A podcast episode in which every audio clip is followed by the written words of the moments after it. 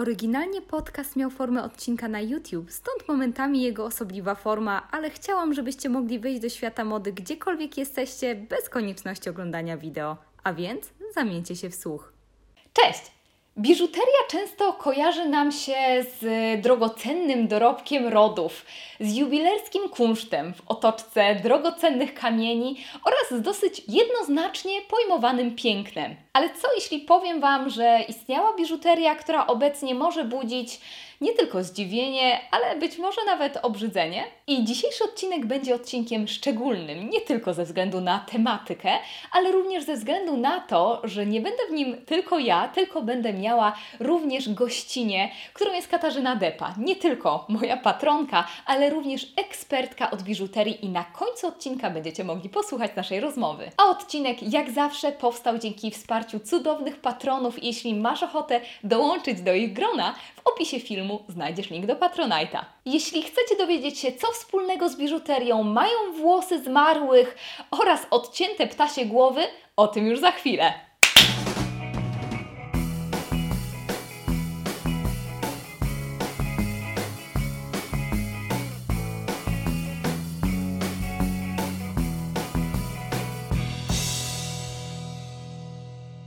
Modę i biżuterię obejmują oczywiście pewnego rodzaju przypływy i odpływy, jeśli chodzi o zauważalne tendencje, w zależności od danej dekady. Ale w tym odcinku nie będziemy mówili, który typ biżuterii i dlaczego był popularny w danej dekadzie. Spojrzymy za to na pięć typów biżuterii, które niemal zniknęły z tego jubilerskiego świadka i są ku temu, tak sądzę, dobre powody, ponieważ po prostu cały kontekst tego, co uważamy za piękne i akceptowalne, zmienił się kompletnie. Ale teraz do rzeczy. Zacznijmy z grubej rury, czyli od biżuterii z włosów. Ze względu na żałobę noszoną przez królową Wiktorię przez kilkadziesiąt lat, Okres epoki wiktoriańskiej często, zresztą niesłusznie, kojarzony jest z bardzo zachowawczą zgrzebnością. Oczywiście ten surowy obraz pomagały tworzyć obyczaje, których obecnie na próżno szukać, również związane ze śmiercią, ponieważ kobiety posiadały zupełnie odmienną, żałobną garderobę, żałobną biżuterię i wówczas w epoce wiktoriańskiej powinny co najmniej w tym najmocniejszym czasie żałoby przebywać przez dwa lata. Nie muszę chyba dodawać, że podejście do śmierci było zupełnie inne. Była ona nieco bardziej namacalna, nie tak jak teraz zmieciona z powierzchni tego, co nazywamy codziennością. I mając w pamięci to bliższe podejście do śmierci, przyjrzyjmy się biżuterii z włosów, która jest charakterystyczna dla epoki wiktoriańskiej. Za najlepszy przykład niech posłuży nam królowa Wiktoria i jej żałobna biżuteria po śmierci ukochanego księcia Alberta. Otóż nosiła ona zawieszkę ze zdjęciem Alberta oraz z puklem jego włosów. Całość zdobił napis czysta dusza wzlatuje ku Panu. I tu warto zrobić przystanek przy samym postrzeganiu włosów w epoce wiktoriańskiej, co zajmuje wielu badaczy. Bo z jednej strony był to symbol największej zażyłości i intymności, a z drugiej strony był to dosyć jasno postrzegany wabik seksualny. Wiele uwagi poświęcano włosom przez odpowiednie schludne upięcia, a z drugiej strony rozpuszczone włosy kojarzyły się już z relacją, gdzie ktoś może zobaczyć kobietę w takim stanie, jakim nie widzi jej ktokolwiek inny na ulicy. Na popularności zyskiwały więc zdjęcia kobiet z rozpuszczonymi włosami, które miały być lekko erotyzujące i właśnie nawiązywały do alkowy. I same włosy podczas codziennej pielęgnacji postrzegano również jako swoisty materiał, który można dalej wykorzystać właśnie w tych upięciach. Istniały specjalne pojemniki, do których kobiety zbierały włosy, martwe włosy, które wyczesywały mm, podczas porannych toalet i następnie właśnie robiły z tego pewnego rodzaju treski, czy też wypełnienia swoich koków. Co jeszcze? Odsuwając już na bok wątek erotyczny, długie, niemal sięgające ziemi włosy są fanaberią.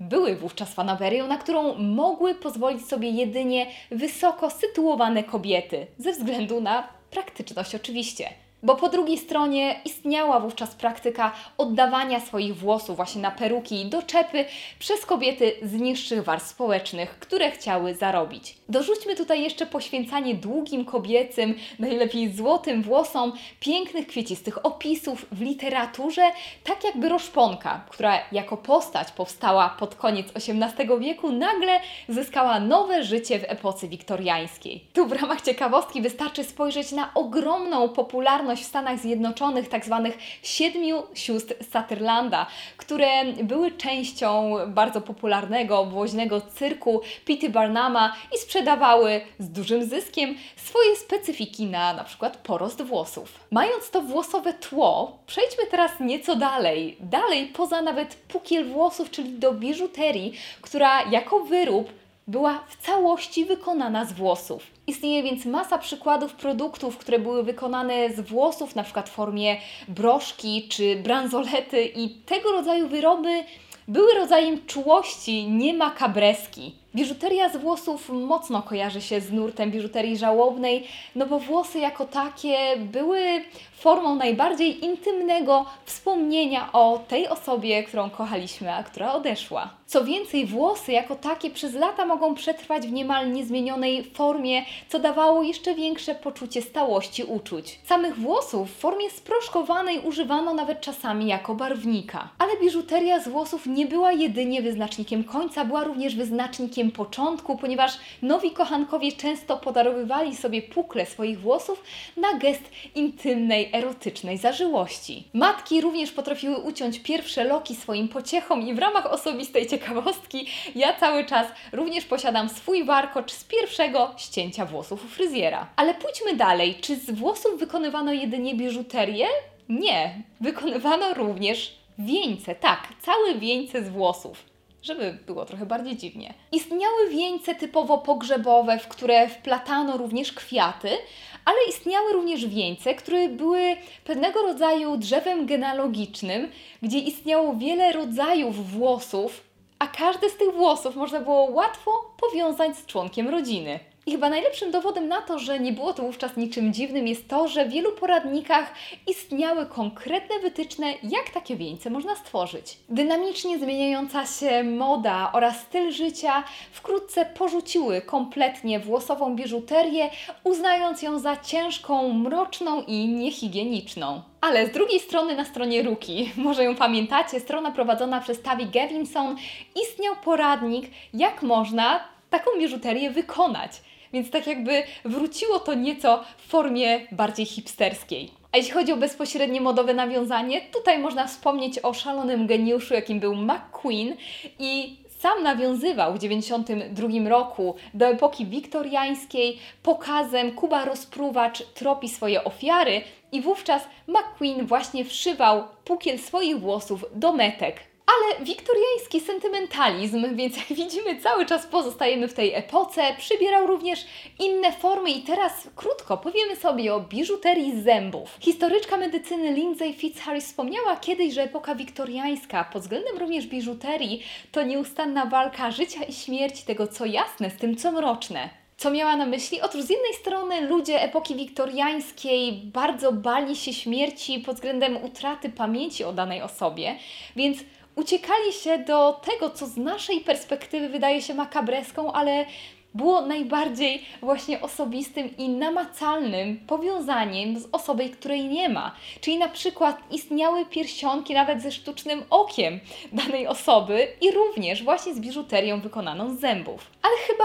ten fakt aż tak bardzo nas nie dziwi, ponieważ sami mamy gdzieś jeszcze mleczne zęby. Ja mam, mam nawet zachowane ósemki, więc to nie budzi takiego zdziwienia, a właśnie ludzie epoki wiktoriańskiej tworzyli z tego biżuterię nie tylko zębów mlecznych, ale również zębów stałych. I choć przykłady biżuterii zębów były również widoczne w epoce georgiańskiej, to jednak przez rozwój prasy i wpływ królowej Wiktorii na masy bardziej stał się popularny właśnie w epoce wiktoriańskiej. Przykład? Kiedy córka pary królewskiej straciła swojego pierwszego zęba, książę Albert postanowił go oprawić w formie broszki i oczywiście wiele osób poszło w jego ślady. Ale przejdźmy dalej, mianowicie do biżuterii z owadów. I mówiąc krótko, obecnie dosyć niechętnie nosimy biżuterię, która jasno wskazywałaby na stworzenie, z którego została zrobiona epoka wiktoriańska rządziła się innymi prawami. I oczywiście patrząc na popularność niektórych elementów biżuterii, trzeba brać pod uwagę cały kontekst społeczny,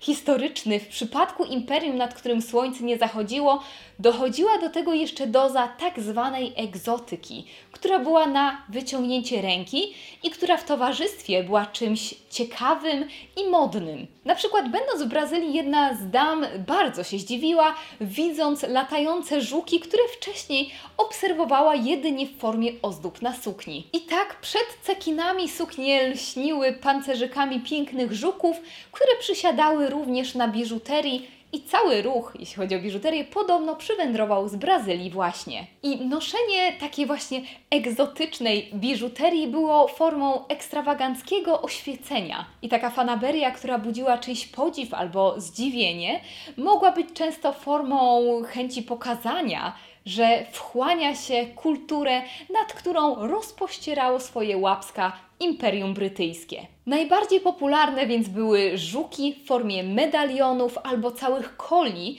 którym towarzyszyły drogocenne kamienie. Kobiety wpinały również we włosy ważki, motyle lub też ćmy, na stronie JSTOR przeczytałam również o tym, że niektórym z owadów towarzyszyły sprężynki, które imitowały ich ruch. Oczywiście można spróbować wejść w te tendencje nieco głębiej i doszukiwać się na przykład w tym stanie desperackiej próby odwrotu od industrializacji, właśnie poprzez szukanie jakichkolwiek związków z naturą. To, co kuszące i to, co zarazem modne, znajdowało się w naturze, która nie była już tak bardzo na wyciągnięcie ręki, a najlepiej, kiedy jeszcze miała niespotykaną formę. XIX wiek to swoista obsesja na punkcie historii naturalnej, natura ujarzmiona na ubraniach w formie mody, ale również na przykład w domach, bo taksydermia stała się dosyć modnym i z naszej perspektywy nieco makabrycznym hobby. Można więc znaleźć takie przyjemnostki jak domowe poradniki dotyczące wypychania zwierząt dla pani domu, ale również popularna była entomologia, jak i w ogóle hodowanie na przykład owadów w domu, w szklanych kulach, żeby zobaczyć taki mały, naturalny ekosystem. Pewna książka z końcówki XIX wieku, mianowicie Entomological News, wspomina o pani de Jones, która rzekomo w 1891 roku przytroczyła do żuka diament i nauczyła owada latać wokół jej szyi. To była dopiero biżuteryjna innowacja. Przy tym dokopałam się do zapisków mówiących o tym, że tego rodzaju biżuteria była pewną formą dostępnego luksusu dla kobiet, których nie było stać na kamienie, aby kupiły je same lub też nie miały nikogo, od kogo mogłyby je dostać. Oczywiście magazyny satyryczne miały używanie, wyśmiewając hordy owadów i inne makabryczne zwierzęce części zwisające z kobiecych ubrań i często ukazywały kobiety z czasem zamieniające się w owady. Przykład współczesny? Schiaparelli i owadzi naszyjnik z lat 30. Ale a propos tej wiktoriańskiej obsesji, zostawmy teraz owady i przejdźmy do biżuterii z ptaków. I cóż, dla właśnie wspomnianych magazynów satyrycznych był to kolejny rodzaj biżuterii, którą kobiety chciały rywalizować z naturą. I w ramach makabrycznej ciekawostki dodam, że w książce Praktyczna taksydermia możemy przeczytać o tym, że biżuteria z ptaków powinna jak najbardziej przypominać żywe ptaki, i egzotyczne gatunki nie powinny być mieszane z domowymi. Ptaki z kapeluszy zaczęły również przysiadać na broszkach, na szpilkach do kapeluszy lub też na kolczykach. Można było spotkać pozłacane dzioby lub też oczy, które były zastępowane drogocennymi klejnotami. Najcenniejszym gatunkiem ptaków były kolibry, które nazywano latającymi klejnotami. I tak zastygłe na wieczność mogły zabawiać wiktoriańskie wiktoriańskie damy i czy wówczas istniały jakiekolwiek głosy krytyki? Oczywiście tak. I w artykule z roku 1882 o tytule Art in Dress autorka ubolewa nad prawdopodobnym wyginięciem dzieci słońca, jak nazywała kolibry, i żartobliwie, chociaż również prawdziwie, żartowała o tym, że kiedy widzi kobietę, e, która przechadza się po ulicy i chce być modna, nie wie, czy powinna atakować ją parasolką, bo pełzają po nich właśnie owady, jak i również ptaki, więc nie wiesz, czy są one atakowane, czy po prostu oddają się modowej fanaberii. Przy okazji odcinka o kapeluszach miałam już okazję napomknąć o powstających stowarzyszeniach ochrony zwierząt i tu był kolejny ku temu powód. Bo jeden z myśliwych wspominał, że na potrzeby właśnie biżuterii z ptaków zabił jednego sezonu ponad 130 tysięcy kolibrów. Wspomniana wcześniej moda dotycząca historii naturalnej miała się też świetnie, jeśli chodzi o muzea. W samym USA przez niecałe 20 lat powstało ponad 250 takich muzeów.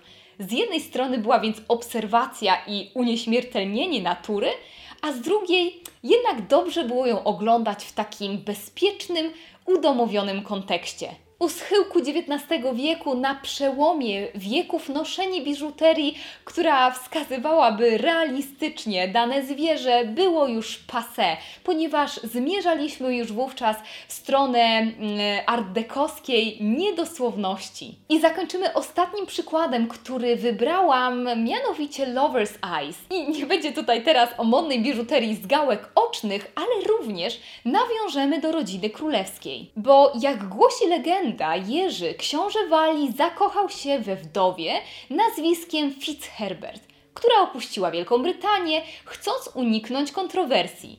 I w roku 1785 Jerzy podarował jej pełen namiętności list i maleńki portret przedstawiający jego oczy. I właśnie tego typu biżuteria zdobyła najpierw popularność w epoce georgiańskiej i rozciągnęła się później nieco na epokę wiktoriańską. I mamy tutaj idealny przykład z niczym innym, jak właśnie z puklem włosów. Wyroby były najczęściej bardzo niewielkie, były akwarelą na kości słoniowej, którą można mieć było bardzo blisko serca. Jeśli chodzi o malarzy, jak i o osoby przedstawiane właśnie na tym rodzaju biżuterii, najczęściej pozostawały one anonimowe. I książka Treasuring the Gaze zgłębia m.in. ten rodzaj biżuterii właśnie w kontekście wiktoriańskiej chęci unieśmiertelnienia danej osoby. No bo tak naprawdę właśnie chodzi o to, jak czujemy się pod czyimś spojrzeniem.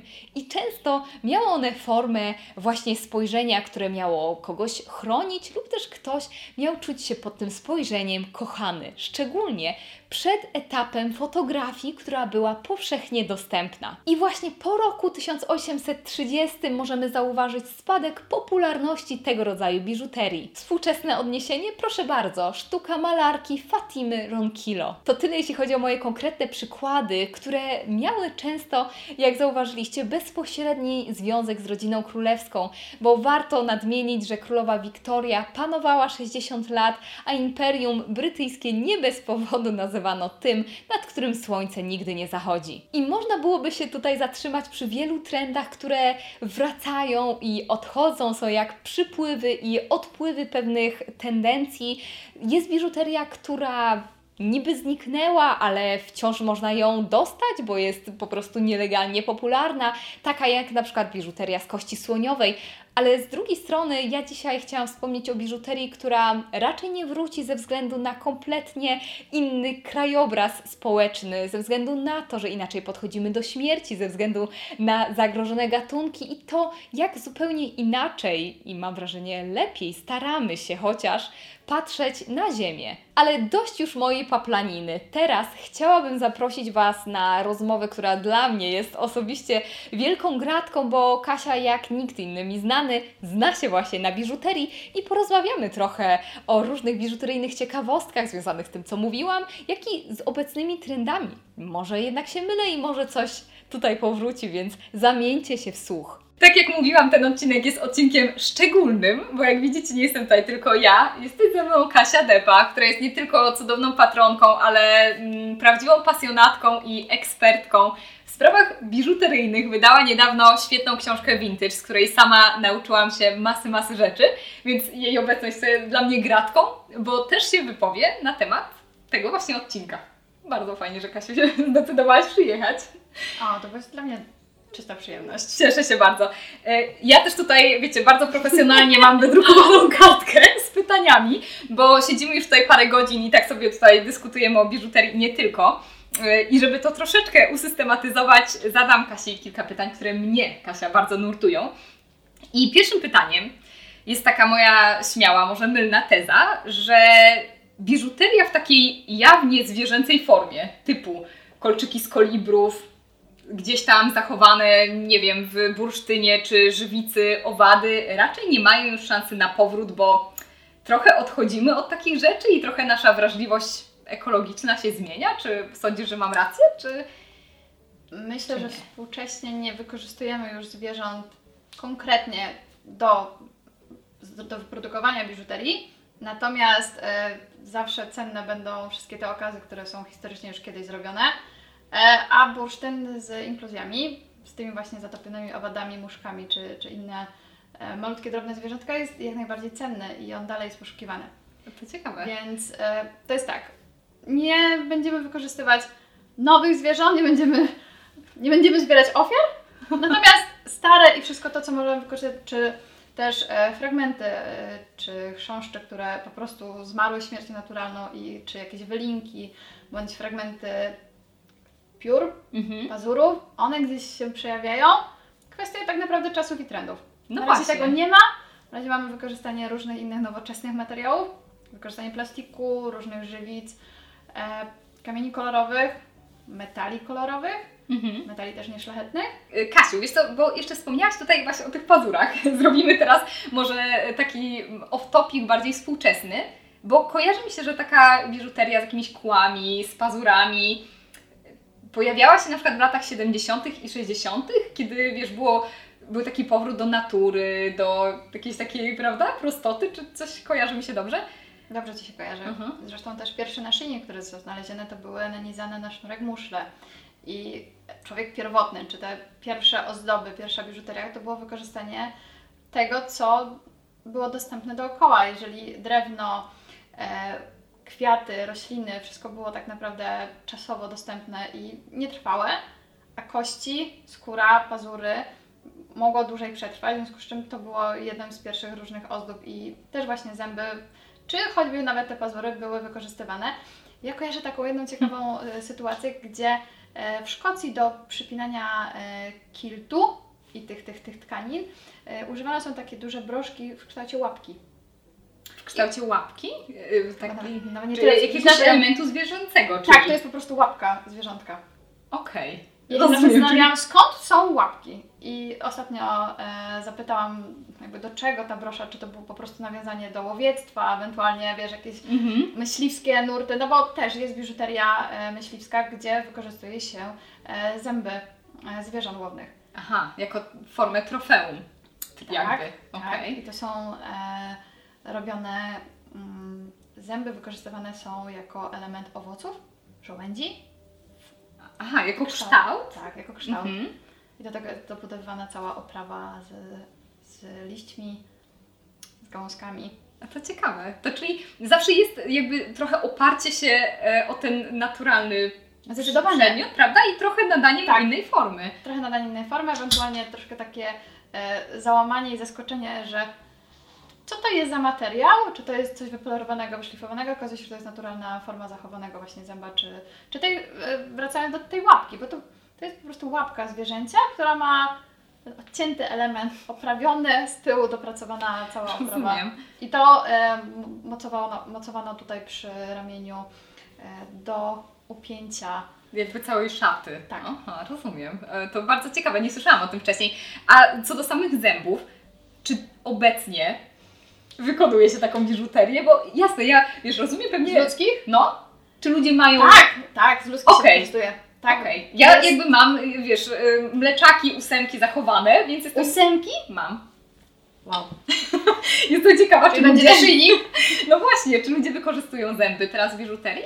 Tak, wykorzystują, natomiast e, no, mamy historycznie to taką nawiązanie do II wojny światowej, do tych wszystkich tragedii z tamtych czasów jednak e, sprawia, że wykorzystywanie e, elementów ludzkich, jak włosy, zęby, nie do końca jest e, na chwilę obecną takie poprawne. Ale na świecie jest e, kilku artystów. Ja kojarzę taką jedną artystkę, która zrobiła naszyjnik po prostu zębów. Tak jak wiesz, masz powierzchnię, Aha. to są poprzecinane zęby i są, jest wykonany cały naszyjnik. Ale to wiesz co, bardzo ciekawe, że wspominasz też o tym momencie, kiedy zaczęliśmy inaczej patrzeć, yy, prawda, na takie namacalne części jednak człowieka, że, że gdzieś w czasach wiktoriańskich było to oddaniem hołdu, gdzieś jakimś takim wyrazem czułości. Potem przestało takie być.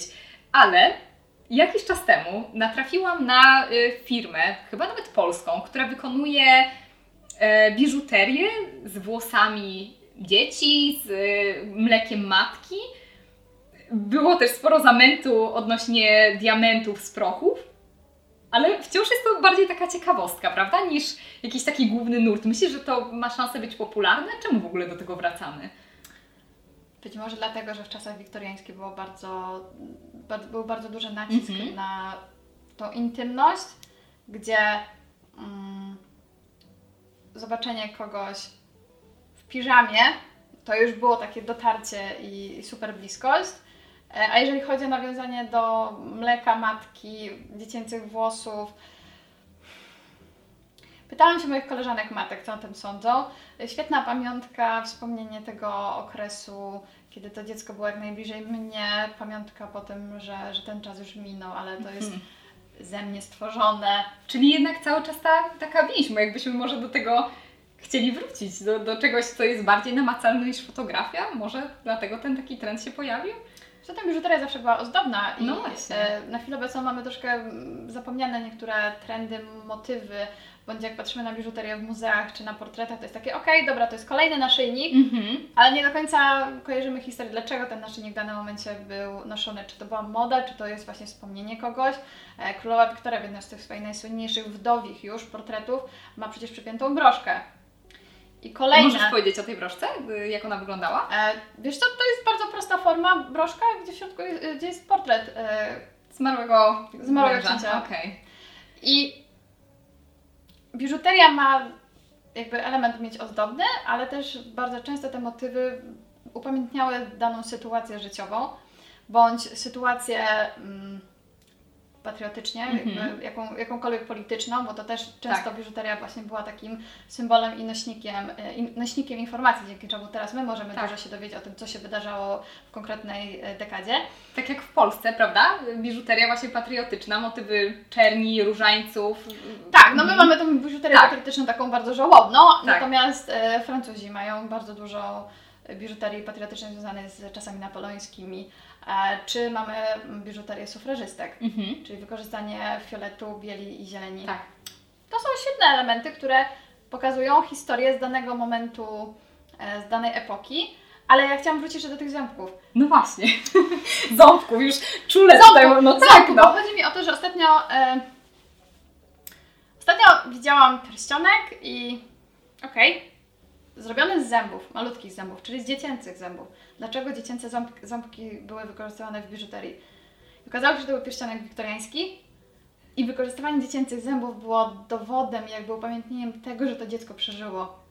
Bo jednak wypadanie zębów jest już po jakimś czasie, ten dzieciak musi mieć około 7-10 lat, Niesamowite. czyli Tak, a wtedy śmiertelność dzieci była potężna. to prawda. I też znowu upamiętnianie tego, że dana osoba była w naszym życiu, czyli ten pukiel włosów, Tak. ząbek.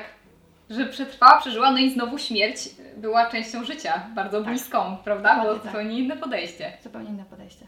Kasia, wiesz co, a zastanawiam się też nad biżuterią, która jest ym, nietypowa i rzadka, na którą na przykład sama zwracasz uwagę i która nie jest taka, wiesz, łatwo dostępna. Co jest takim przykładem, który przychodzi Tobie na myśl? Bardzo fascynują mnie gotowe całe zestawy, komplety, tak zwane garnitury biżuteryjne konkretnie dedykowany do tego mm, etui, pokrowca, przygotowane pod konkretny rodzaj tej biżuterii. Często to są zestawy, które się składają z bransolety, naszyjnika. Naszyjnik może mieć dodatkowy stelaż, którym ten naszyjnik nagle zmieni Ci się w tiarę. Ha. I to są już czasy 100 lat i wcześniej. A często to było na przykład formą, y, nie wiem, posagu czy prezentu ślubnego, y, bo tak brzmi jak, wiesz, taka rodowa y, biżuteria, jakiś taki dobytek kobiecy, czy tak? Tak, Tak? Pamiętaj, Mhm. 100 lat temu każdą sztukę biżuterii wykonywał ktoś ręcznie, czyli nie było tak dużo tych egzemplarzy, jak jest teraz. E, Modele też nie były powielane, dostęp do kamieni był zdecydowanie mniejszy niż teraz, więc ta biżuteria po pierwsze to był, to był posag tych kobiet, Mhm. to był też tych, jakby ich majątek osobisty, dobytek, ale też był przekazywany z pokolenia na pokolenie. E, tutaj świetnym przykładem też jest korona angielska, gdzie w skarbcu królowej angielskiej jest bardzo dużo biżuterii z poprzednich, od poprzednich pokoleń. Część biżuterii jest jej prywatna, część biżuterii jest tak jakby państwowa. Mhm, to jest Ona- ciekawe, tak. Jest część biżuterii, która jest po prostu należy do, do korony angielskiej. Świetny pomysł, świetny pomysł na to, żeby przekazywać dalej mm, kolejnym pokoleniom takie zbiory biżuterii. Dla mnie ciekawe te garnitury są też z jednego mm, ważnego elementu. Są bardzo rzadko, Mhm. bardziej w Polsce. Jeżeli jak już się coś trafi, która ma powyżej 100 lat i ta biżuteria do tej pory przetrwała w niezmienionym stanie, to jest często majstersztyk, bo na chwilę obecną bardzo często jednak te elementy po prostu są rozmontowywane, bo nie nosimy tiar, Mhm. Naszyjniki są często bardzo duże i bardzo zdobne i to często jest ta biżuteria taka po prostu na specjalne wyjścia, na No jakieś właśnie. ciekawe okoliczności, bądź po prostu biżuteria, którą warto mieć ze, we, we swoich zbiorach ze względu na kolekcjonowanie. No, Ale jednocześnie tu mamy biznes i rynek Tak. i sprzedaż i często po prostu te elementy są rozmontowywane na mniejsze części. Czyli tutaj, no, no właśnie. Rozcinane, Tak, tak rozumiem. Renowacje, jakaś zmiana, coś rozcięte, rozmontowane. I A najbardziej cenne jest to w całości. Dokładnie. Ale e, ja muszę spytać oczywiście o Twoją kolekcję. Mm, e, Nie będę pytała o szczegóły, bo tutaj każdy kolekcjoner ma tajemnicę, ale e, czy w swoich zbiorach jest coś, co budzi zdziwienie ludzi, oprócz pewnie liczby rzeczy, które kolekcjonujesz, albo co Ciebie szczególnie fascynuje podczas poszukiwania takich elementów biżuterii? Na co zwracasz uwagę? Bo nie zawsze wartość jest najważniejsza. E, Ja zwracam uwagę na projekt, na motyw, Mhm. dlaczego coś zostało wykonane. Często e, biżuteria, którą mam, nie zawsze jest wykonana ze szlachetnych materiałów, ale ta historia, która kryje się za danym symbolem czy motywem, jest dla mnie bardziej istotna. Tutaj też, e, jak zaczęłam tworzyć swoją biżuterię, e, skupiłam się na samym materiale, czyli na węglu. Tak. I dowiedziałam się, że oprócz tego już nawet na polskich e, ziemiach w XIX wieku ktoś szlifował węgiel, górnicy robili sobie tam małe koraliki, e, to bardzo dużo biżuterii właśnie z czarnego, z czarnej skały. Mhm. Skała jest Whitby, jest Mhm. miasteczko Whitby w Anglii. Tam też robili biżuterię, gdzie materiał jest bardzo podobny do e, węgla. Rozumiem. Nie jest węgiel, ale Mhm. bardzo, materiał jest bardzo podobny.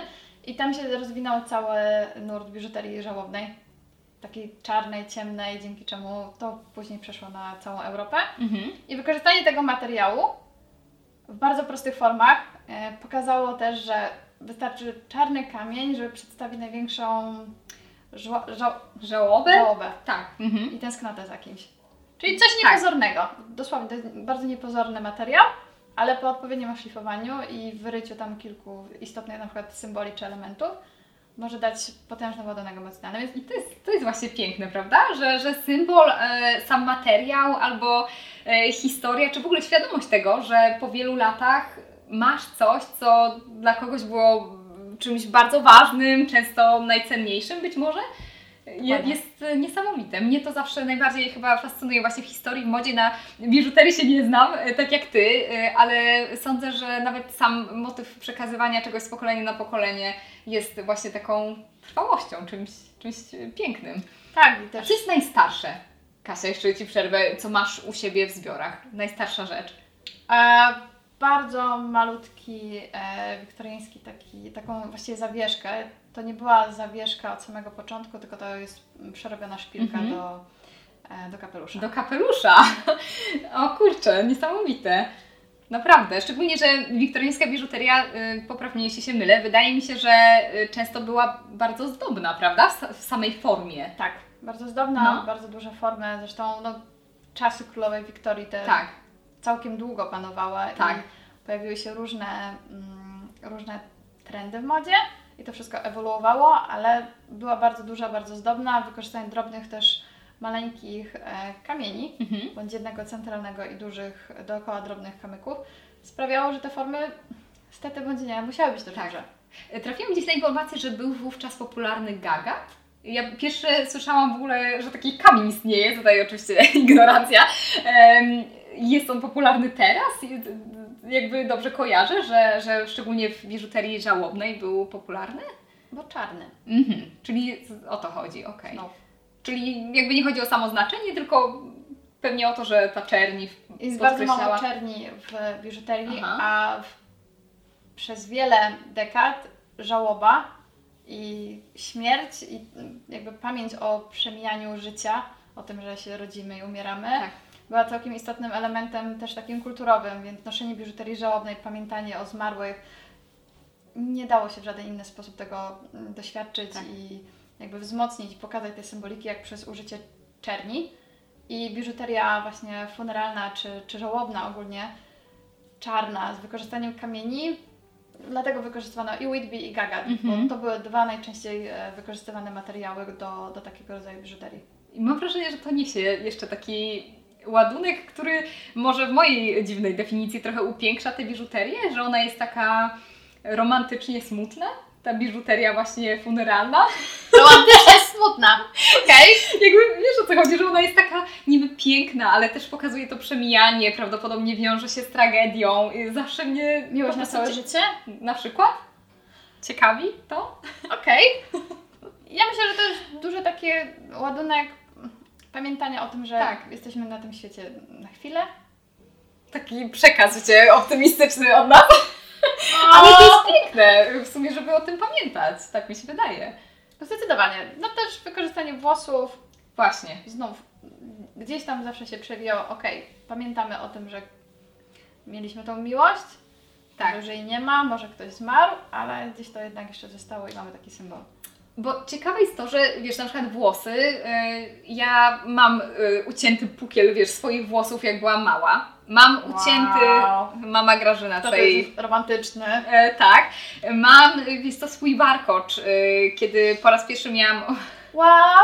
obcięte włosy, więc jakby mi się to wydawało takie dosyć naturalne, jakby jako taka część pamięci o jakimś etapie życia, ale z drugiej strony y, biżuteria już teraz wykonana z włosów, no chyba tego nie ma, prawda? Jest. Jest, Ale, ale, znów mamy ten wydźwięk Mhm. ludzkich włosów znowu negatywny. negatywny. Okej. Natomiast e, biżuteria z ludzkich włosów wcześniej i te motywy, były gotowe katalogi wzorów, skupowano Prawda? włosy.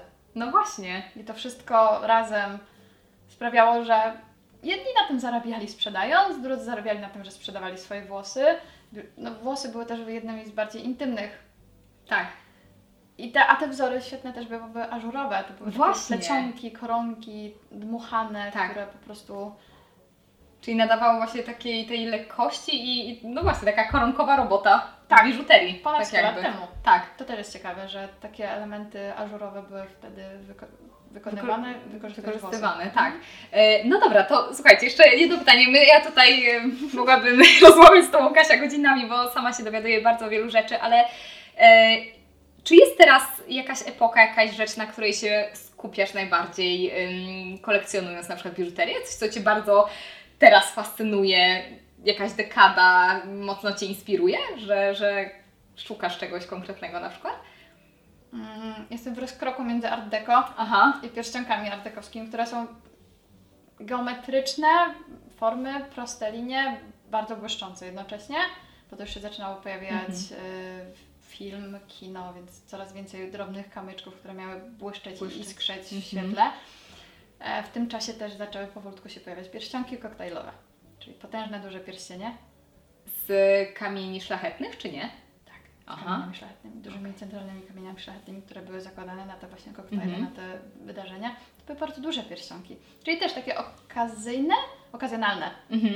okazjonalne specjalne wyjścia, duże pierścienie, a z drugiej strony e, broszki, E, broszki z lat 80., czyli duże, mm, nieszlachetne, Tak.